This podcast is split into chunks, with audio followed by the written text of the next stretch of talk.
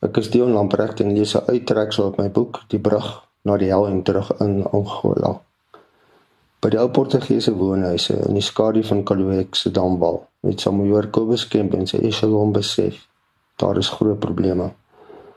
Hulle kon die G5 kanonne hoor praat en in die verte na die noorde toe kon hulle elke nou en dan die stofwolke van die Kubaanse kolonne bo die bos sien aankom.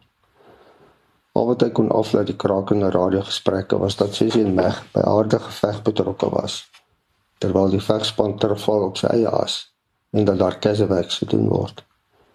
Toe kom 'n raad uit die weste aangejaag en hou 'n stofwolk by die mediese Kasper stil. Daar by die huise. Die gewonde takkies was bewus daarvan dat hy die raad al gehelp word. Maar alles was 'n waas. Hy dog hy sien mure, maar hy weet ook nie. Want sy kop is al seer. Kobus het oog gehou terwyl Millie in sy lijksak toegerits en in 'n koelholte neergelê word totdat sy lijk verder afgevoer kon word. Maar 'n stem binne die samoeër het hom gesê, "Hulle is kwesbaar." En hy het sy drywer opdrag gegee om haar auto onder die karige sambreel van 'n karreeboom te trek. Net 800 meter van die damwal af, waar toe 'n kastengbrug oor die konenie gedien het.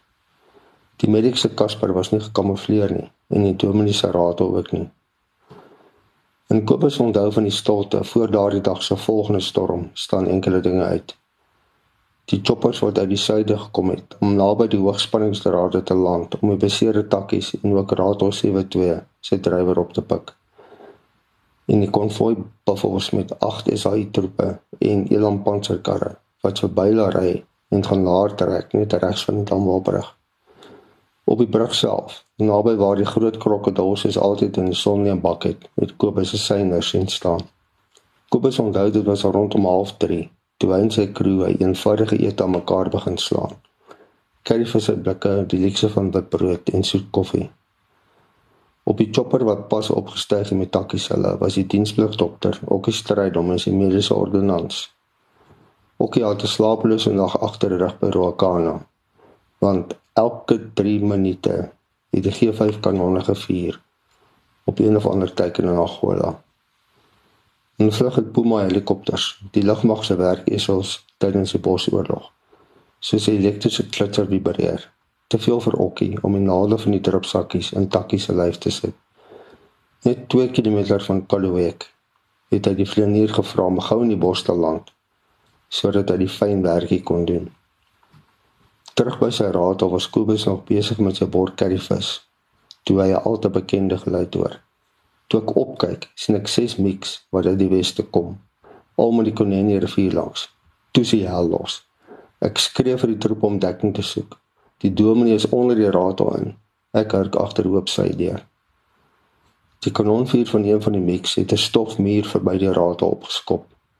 Die Suid-Afrikaanse lugafweertroep het losgetrek met hul eystervarke 20 mm kanonne op 'n buffelbak gemonteer. En van ergens het die 32 bataljon span 'n draagbare Russiese SAM-7 grond tot lug missiel afgevuur. Toe ek gesuis geluid in lug en toe ek opkyk, sien ek hoe die groot bomme onderaan hul valskerms afsweef grond toe, reg bo ons koppe, terwyl die mix wegbreek van damwal af. Ek het daar agter die raadhal deur op my knie afgesak en gebid om my vrou en kinders nog net een keer te sien. Wonderbaarlik vat 'n warrelwind daai bomme en sit hulle op die waterpyplyn neer. Die donderslag van die bomme is soos reuse hande wat teen jou ore klap.